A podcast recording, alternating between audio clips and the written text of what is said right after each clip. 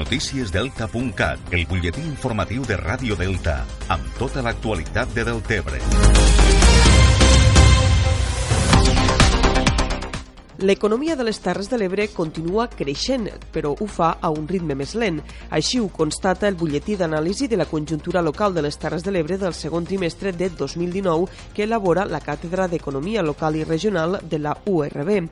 La construcció ha liderat el creixement i ja porta 3 anys seguits d'increments. Per contra, l'ocupació en el sector industrial ha baixat un 1,7%, la primera davallada en dos anys, i també l'agricultura ha davallat este segon trimestre en un 2,5%. 2,2%. Juan Antonio Duro és el director de la càtedra. A nivell de sectors, mm, aquest creixement del segon trimestre ve clarament protagonitzat per la construcció eh, i això més enllà del que de lo bé que sembla anar-li a la construcció del territori és una senyal de que l'ambient econòmic és positiu perquè no hi ha inversió en construcció si la gent i els agents no creuen que el futur serà com a mínim igual que ara o fins i tot millor, tant els empresaris com els consumidors.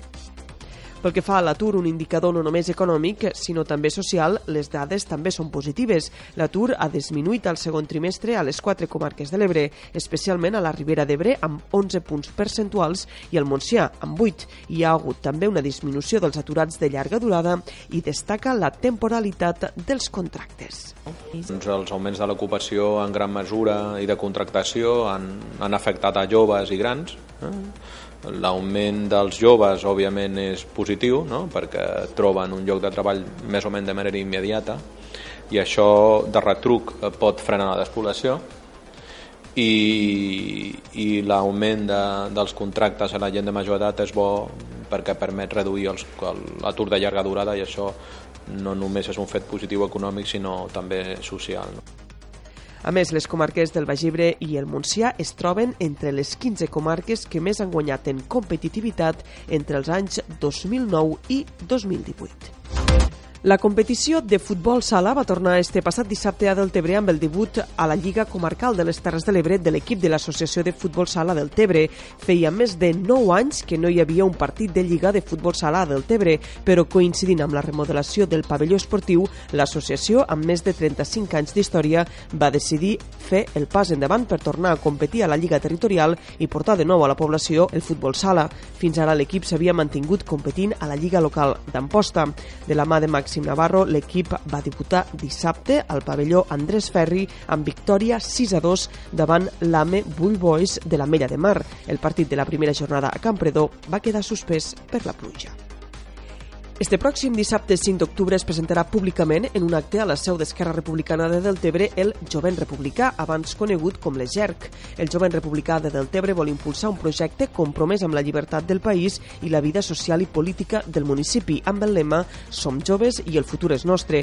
Amb aquesta frase, el Jovent Republicà pretén obrir un espai de reflexió i debat polític entre els joves del municipi per enfortir la seva capacitat de participació i decisió en tot allò que afecta este col·lectiu.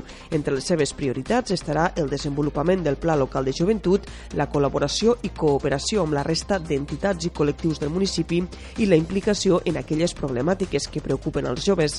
El Jovent Republicà de Deltebre vol ser un actiu polític de referència per als joves del poble i amb l'ajuda d'Esquerra Republicana de Deltebre poder donar veu a les seves demandes i reivindicacions en aquelles institucions on són presents. Més qüestions. L'alcalde de Deltebre i president de l'Associació Catalana de Municipis, Lluís Soler, s'ha incorporat a l'executiva de l'AMI, de l'Associació de Municipis per la Independència, com a vicepresident.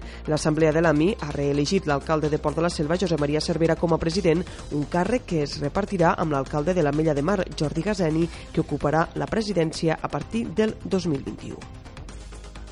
I demà es farà al Centre Breterra de Deltebre la cloenda de les jornades de cicloturisme organitzades pel Consell Comarcal del Bagebre i es centrarà en la capacitat per captar públic internacional. I per acabar, afegim que Deltebre commemorarà esta tarda el segon aniversari de l'1 d'octubre, el dia que es va celebrar el referèndum d'autodeterminació de Catalunya. L'acte commemoratiu serà a les 8 a la plaça de la República Catalana. Això és tot per ara. Més notícies, com sempre, al portal deltacat.cat.